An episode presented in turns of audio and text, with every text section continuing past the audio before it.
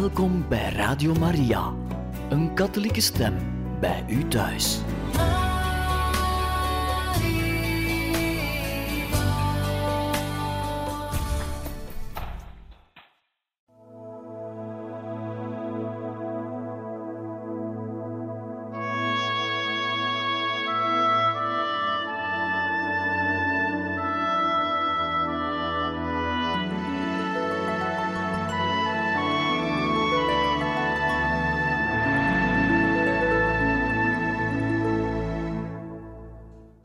Harte welkom, beste luisteraars van Radio Maria. Bij het programma Heiligen Getuigen, waar wij u verder voorlezen uit het boek Mijn Heerlijk Leven, het verrassend geestelijk avontuur van de jeugdige Gabriel Possenti, geschreven door Edmund Burke.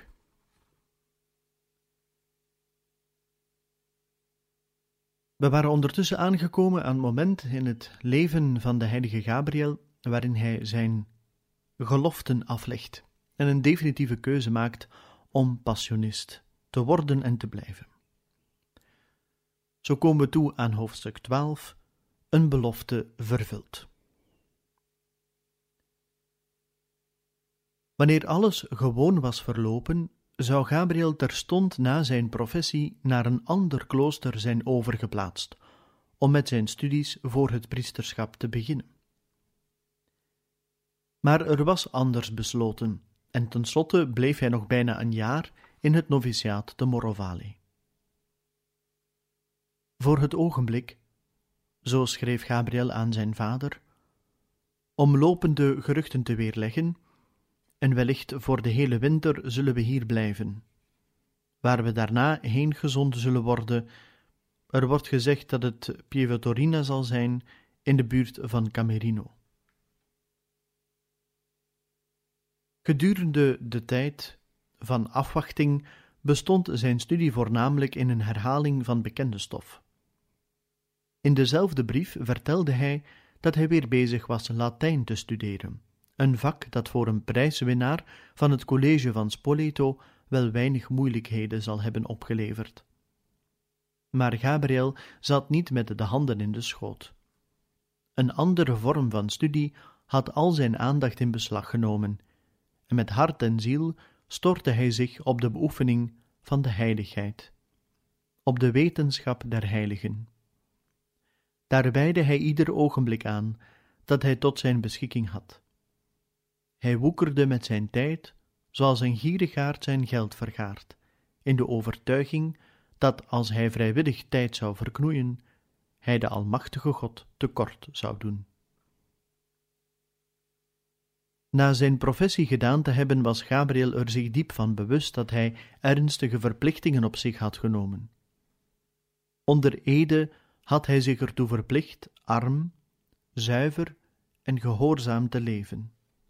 Thans was de tijd gekomen om die beloften te vervullen. Vormden de gebroken beloften uit zijn jeugd wellicht een bijkomend motief? Gedurende zijn noviciaat was hij vertrouwd geraakt met de theorie van het geestelijk leven. Thans moest deze in de praktijk worden gebracht. Het is niet voldoende over deugd te praten, zei hij op zijn gebruikelijke openhartige manier. We moeten haar ook in praktijk brengen. God wil niet dat wij met de handen in de zakken lopen. De heilige Philippus Neri zei altijd dat de hemel niet gemaakt is voor leeglopers. Gabriel en zijn vader huldigden diametraal tegengestelde opvattingen over de verplichtingen die door de kloostergeloften worden opgelegd. Santi Possenti leefde blijkbaar in de veronderstelling dat tal van de beperkende bepalingen van het noviciaat zouden komen te vervallen of soepeler worden nu Gabriel geprofest was, en dat hij daardoor een grotere mate van vrijheid zou genieten. In deze gedachtengang begon hij plannen te maken voor familiebezoeken, uitstapjes naar buiten, tochten die het Gabriel mogelijk zouden maken zijn verwanten te bezoeken. Naïef genoeg vroeg hij in een brief wanneer Gabriel tijd zou hebben om daarmee te beginnen. Gabriel schrok ervan op. De wereld die hij zo vastberaden de rug had toegekeerd, dreigde weer beslag op hem te gaan leggen. Zijn geloften vormden de scheidsmuur die zijn eenzaamheid ongestoord zou bewaren. Onvermurbaar, maar met tact, rekende hij af met de grootste plannen van zijn vader en zette daarbij uiteen dat al die voorstellen niet te verwezenlijken zouden zijn. In uw laatste brief sprak u over de tocht naar Monte Giorgio en u wees erop dat het nu net de geschikte tijd is om die te maken. Lieve vader, wilt u dat ik openhartig zeg hoe ik daar tegenover sta? Ik zou willen zeggen dat een dergelijk bezoek mij volkomen onnodig voorkomt. Bovendien is het niet in overeenstemming te brengen met mijn huidige positie. En het zou waarschijnlijk geestelijk verlies opleveren. Verder zou ik u erop willen wijzen dat zulke bezoeken bij ons, passionisten, niet gebruikelijk zijn, zelfs niet voor de oudere paters. Zou het dan niet uiterst brutaal van mij zijn wanneer ik, die nog maar pas geprofest ben, bij mijn oversten zou komen aankloppen met een dergelijk verzoek? Een verzoek dat zelfs de oudsten onder ons niet zouden doen. Zijn vader nam de wenk ter harte. Er werd niet meer over het voorgestelde plan gesproken en voorlopig werd Gabriel met rust gelaten. Nu deze onverwachte verwikkeling eenmaal uit de weg geruimd was, werd het hem weer mogelijk zijn aandacht op zijn voornaamste doel te richten. Zijn regel beslist zo voortreffelijk mogelijk na te leven. Van de grote kenner van het kerkelijk recht paus Benedictus XIV, wordt gezegd dat hij de opmerking gemaakt heeft: Toon mij de kloosterling die volmaakt zijn regel volgt, en ik zal hem nog tijdens zijn leven heilig verklaren. Dit grondbeginsel was het fundamentele geheim van Gabriels heiligheid. De regel was zijn gids. De regel was de bron van zijn inspiratie. De regel was voor hem de manifestatie van de wil van God. Hij had reeds een besluit genomen. Ik zal iedere regel in acht nemen, zelfs de kleinste. Hij moest niets hebben van kieskeurigheid. Het lag hem niet te overwegen dat men iets zowel op de ene als op de andere manier zou kunnen opvatten. Alles diende simpelweg met geloof en liefde in acht te worden genomen. Gabriel hield van de regel en was trots op zijn roeping als passionist. Men heeft hem horen zeggen dat als hem nog honderdmaal de keuze zou gelaten zijn om een roeping te kiezen, hij telkens weer de passionisten zou hebben gekozen. Armoede is de banier waaronder de hele congregatie strijdt.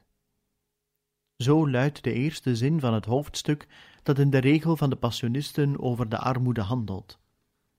Gabriel dankte God dikwijls ervoor dat hij hem tot een congregatie geroepen had die strenge armoede en een volmaakt gemeenschapsleven in praktijk brengt.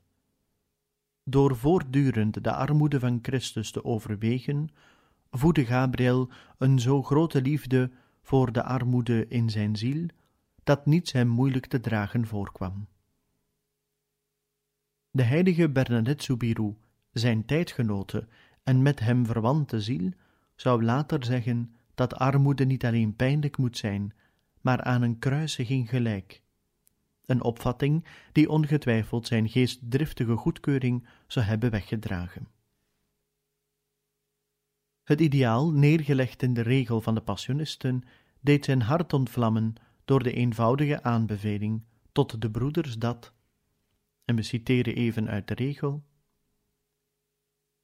zij als waarachtige navolgers van Jezus Christus zich arm zouden betonen in werkelijkheid en sober in hun gehechtheid, steeds het voorbeeld van onze zaligmaker voor ogen houdend die, ter wille van ons, zich verwaardigde in armoede te worden geboren, te leven in nooddrift en naakt te sterven aan het kruis. Zonder zich veel aan te trekken van het bijkomstige ongemak, was Gabriel besloten arm in werkelijkheid en sober in gehechtheid te zijn.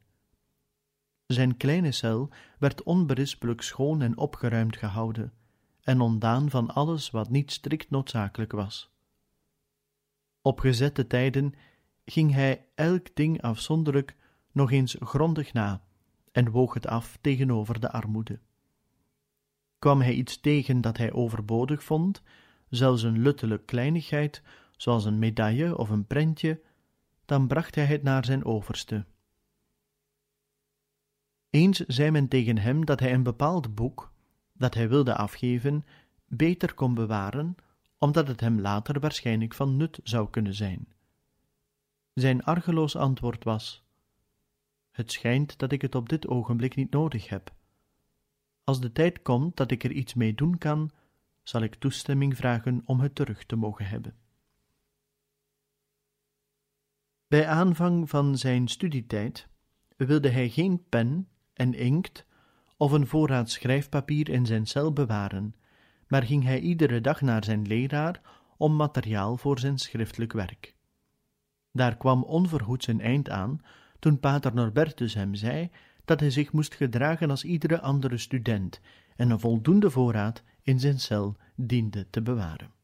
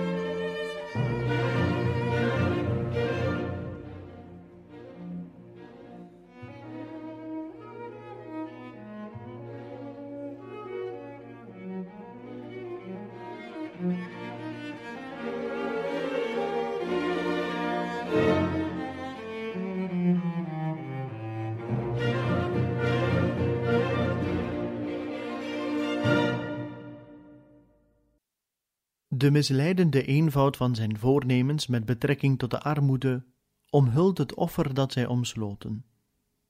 Hoewel het maar weinig woorden zijn, strekken zij zich uit over iedere werkzaamheid van zijn kloosterleven en maakten dat alles gewaarmerkt werd met het zegel der heilige armoede. Zo schreef hij: Mijn behoeften moeten armzalig, eenvoudig en van weinig waarde zijn, zodat mijn kamer, kleding, voedsel of wat ook de deugd der armoede uitstralen. De ergste dingen in huis zoeken en ervan houden, en zelfs het noodzakelijke ontberen. Niets geven of ontvangen zonder toestemming, en zonder verlof ook niets uitlenen of zelf lenen van een ander. Niets behouden alsof het van mijzelf is, mij alles ontzeggen wat niet strikt noodzakelijk is, zoals boeken, meubels enzovoort. Er zorg voor dragen dat niets verspild wordt. Dit waren geen ijdele beloften, die vergeten werden op hetzelfde ogenblik dat ze werden gedaan. Op een methodische manier en met volharding bracht Gabriel ze in het dagelijkse leven van toepassing, totdat het hem tot een tweede natuur geworden was om het armzaligste en minst begeerde te zoeken, in plaats van het beste en meest gewilde. Een blik op zijn boeken zou het feit verraden hebben dat mooie banden geen aantrekkingskracht op hem uitoefenden. Als het maar enigszins mogelijk was, zocht hij voor zijn gebruik boeken uit die behoorlijk beduimeld waren en in een slechte staat verkeerden. Hoe erger ze eraan toe waren, des te liever was het hem. Bij de wekelijkse uitdeling van schoon goed, handdoeken en zakdoeken, zocht Gabriel voor zich het gelapte, verstelde of bijna niet meer herstelbare uit. Zoals een van zijn voornemens aantoonde, had Gabriel een afkeer van iedere vorm van verkwisting, en hij ging tot het uiterste om zuinig te zijn. Kleine stukjes papier, bestemd voor de prullenmand, werden bewaard om er aantekeningen op te maken. Soms waren ze niet veel groter dan een naamkaartje, maar Gabriel bewaarde ze om ze naderhand te gebruiken. Geestelijke aantekeningen, korte notities, promemorie, punten die op de studie betrekking hadden, werden op de rug van oude brieven geschreven. Om tijd te sparen, ontwierp hij een kleine geheime code voor eigen gebruik, waarbij hij alleen de eerste letter van elk belangrijk woord gebruikte. Wanneer hij, zoals hij zo vaak deed, een gebed tot onze lieve vrouw opstelde, maakte hij van dit persoonlijke kortschrift gebruik, dat tot op heden nog steeds moeilijk te ontcijferen valt. Op die manier hield hij zijn geheim beschermd wanneer een van zijn kostbare stukjes papier verloren zou raken. Alleen aan pater Norbertus, die zijn diepste geheimen weten mocht, openbaarde hij dat vernuftige plan. In een klooster vinden tal van bekwaamheden onverwacht soms een nuttige toepassing. Als het habit van Gabriel hersteld moest worden, lapte en verstelde hij het doorgaans zelf. Door de voortdurende praktijk leerde hij aardig met de naald omgaan, maar in zijn streven naar armoede ging hij tot zulke uitersten dat hij er een berisping door opliep. Gabriel maakte er een liefhebberij van kleine stukjes garen te verzamelen, die als afval waren weggeworpen, en hij gebruikte ze voor zijn verstelwerk. Pater Norbertus zag hem daarmee bezig, en na een poos maakte hij hem op een verstandige manier duidelijk dat hij veel te veel tijd verloor door telkens, wanneer hij weer enkele steken gedaan had, een nieuw draadje in de naald te steken. Het zou veel verstandiger zijn, zei de priester, meteen zoveel garen te nemen dat hij er het werk behoorlijk mee kon afmaken. Ongetwijfeld was Pater Norbertus er zowel over gesticht als verwonderd, wanneer hij zag hoe ver Gabriel bereid was te gaan, maar hij hield deze gevoelens voor zich. Het was werkelijk niet de eerste keer dat hij Gabriel plaagde en hem voor de gek hield in het bijzijn van zijn metgezellen om hem te verootmoedigen. Och, wat ben jij toch een gierigaard, zei hij. Het zal een treurige dag zijn als ze jou ooit overste maken. De zuiverheid wordt dikwijls de engelachtige deugd genoemd, ten teken van haar grote voortreffelijkheid. Na de gelofte van zuiverheid te hebben afgelegd, bad Gabriel lang en vurig om de genade deze tere bloesem der heilige zuiverheid te mogen behouden. Ik kan niet onder woorden brengen, schreef pater Norbertus, met hoeveel liefde Gabriel deze engelachtige deugd voedde, met hoeveel angstvallige zorg hij erover waakte en hoe zorgvuldig hij zijn best deed om alles te vermijden dat haar luister ook maar in het minst zou kunnen bezoedelen. In het noviciaat was hem geleerd dat strenge waakzaamheid van de ogen geboden was. Gabriel nam de nuchtere waarschuwing van de prediker ter harte. Het oog wordt niet verzadigd van het zien, noch vol het oor van het horen. Wanneer hij op zijn wandeling toevallig vrouwen of meisjes tegenkwam, nam hij een zodanige waakzaamheid der ogen in acht, dat hij nooit ook maar in hun richting keek. Toch deed hij dat zeer onopvallend. Gewoonlijk nam hij het kruisje van zijn rozenkrans in de hand en bracht het bij zijn gezicht, alsof hij het meer van dichtbij wilde bekijken. In overeenstemming met de regels der ingetogenheid legde Gabriel een merkwaardige nauwgezetheid van geweten aan de dag, die niet voor preutsheid mag gehouden worden.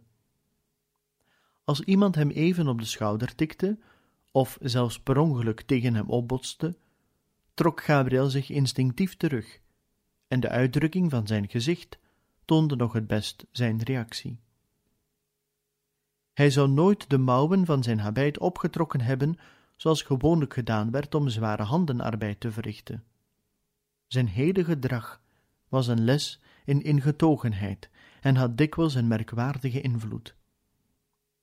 Seminaristen die op retraite kwamen, waren diep onder de indruk als zij Gabriel rustig zijn werk zagen doen, zonder naar links of rechts te kijken, zich volkomen onbewust van hun kritische blik. Zij die hem het best kenden, merkten in de dagelijkse gesprekken op dat Gabriel zelfs niet hield van een zijdelingse of middelijke zinspeling op de andere kunnen. Dit ging zo ver dat hij niet eens zulke gewone onschuldige woorden als vrouw of meisje wenste te gebruiken. In plaats daarvan gaf hij de voorkeur aan neutrale of abstracte woorden, zoals een zeker iemand, zij of haar. In dit opzicht was hij stellig al te angstvallig, want op een keer beklaagde hij er zich bijna pater Norbertus over dat enkele van zijn medestudenten in dat opzicht verkeerd handelden. Heel voorzichtig maakte pater Norbertus er hem op attent dat die anderen helemaal niet in gebreken waren door zulke woorden te gebruiken, en dat het veeleer een vrij ernstige fout van hemzelf was, kwaad te zien waar er geen kwaad bestond. Misschien was het bij die gelegenheid dat hij een metgezel toevertrouwde, dat God had toegestaan hem te laten vernederen om zijn gevoel van eigenwaarde te verminderen. Ik had mij min of meer geërgerd aan een fout in een van mijn metgezellen, zei hij. En God was zo goed mij te veroorloven dat ik in precies dezelfde fout kwam te vervallen. Het is goed voor mij vernederd te worden. Vrijwel op dezelfde manier veroorzaakte iedere toespeling, hoe gering of terloops ook, op dingen die in tegenstelling stonden tot de zuiverheid, hem geestelijke zorgen. In de studie van de theologie of kerkgeschiedenis liep hij graag vluchtig heen over de gedeelten die over zulke onderwerpen handelden. Men heeft hem de opmerking horen maken dat hij nooit de geschiedenis der ketterijen van een zo onaantastbare auteur als de heilige Alfonsus de Liguori zou lezen, omdat ketterij over het algemeen verbonden is met de geest van wellust en onzuiverheid, dikwijls tot in een ergerniswekkende graad.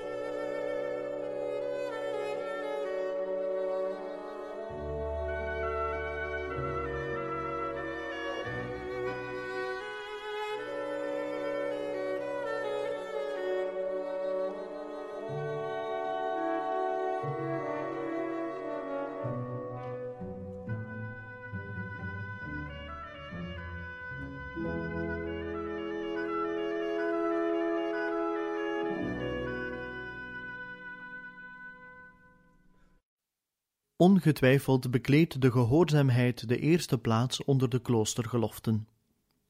De heilige Theresia noemt haar terecht de weg die het snelst tot de top der volmaaktheid voert.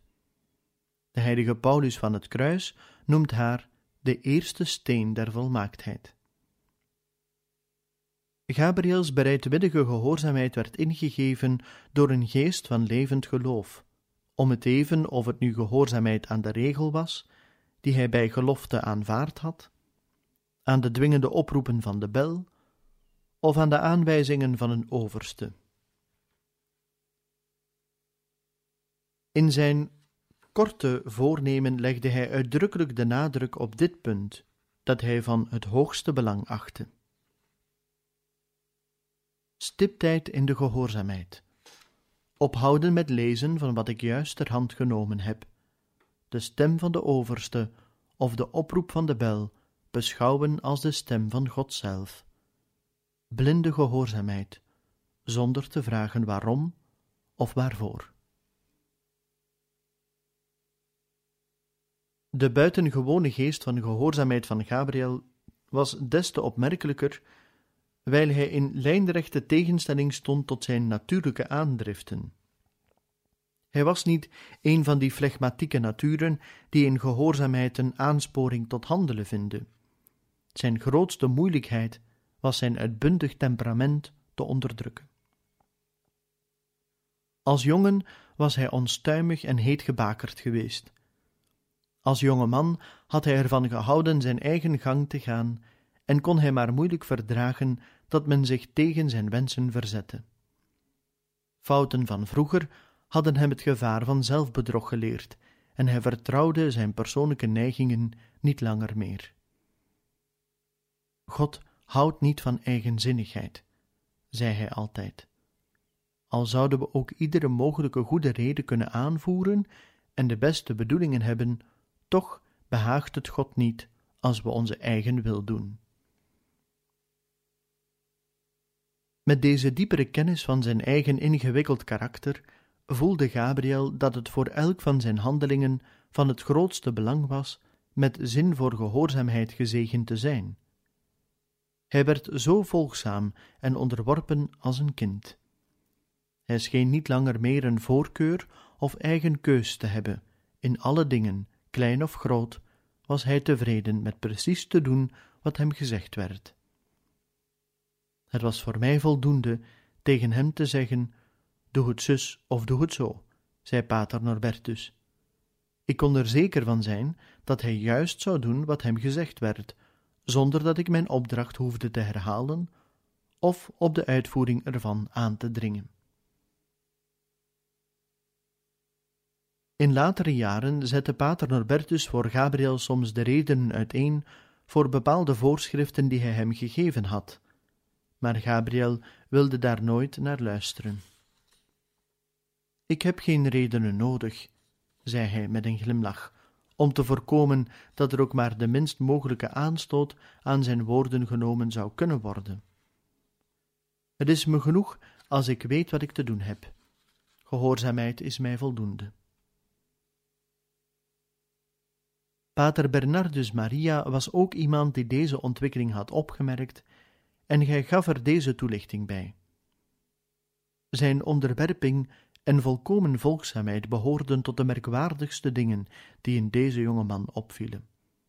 In het geval van Gabriel was dit bijzonder opmerkelijk, daar zijn grootste gebrek als leek zijn onhandelbare aard geweest was. Nauwelijks was hij tot de congregatie toegetreden of er greep een zo grote ommekeer in hem plaats, dat hij niet langer zijn eigen baas scheen te zijn. De wil van zijn overste, zelfs wanneer die wil slechts door een teken te verstaan gegeven werd, was voldoende om hem alles te laten doen wat nodig was. Door zijn eerste drie geloften was Gabriel een kloosterling geworden maar door zijn kenmerkende vierde gelofte werd hij een passionist. Het teken van de passie, dat hij nu trots op zijn borst droeg, was een steeds aanwezige vermaner om hem aan zijn verplichtingen te herinneren. De woorden, die als een blazoen erop geplaatst waren, de passie van Jezus Christus, werd zijn devies en bron van inspiratie. Als student waren zijn apostolische mogelijkheden zeer beperkt, maar hij kon de devotie tot de passie diep in zijn eigen ziel planten, en dat deed hij dan ook. Het noemen van het lijden van Christus riep in hem een onmiddellijke reactie teweeg. Dikwijls sprak hij met een zo diep gevoel daarover, dat zijn metgezellen er de een na de ander het zwijgen toededen, en eenparig keerden zij zich naar hem toe om naar hem te luisteren. Al de liefde, al de deernis, al de dankbaarheid van zijn gevoelig hart was gericht op het geheim van de verlossing. Zijn ijver was de vrucht van aanhoudende overweging van het lijden.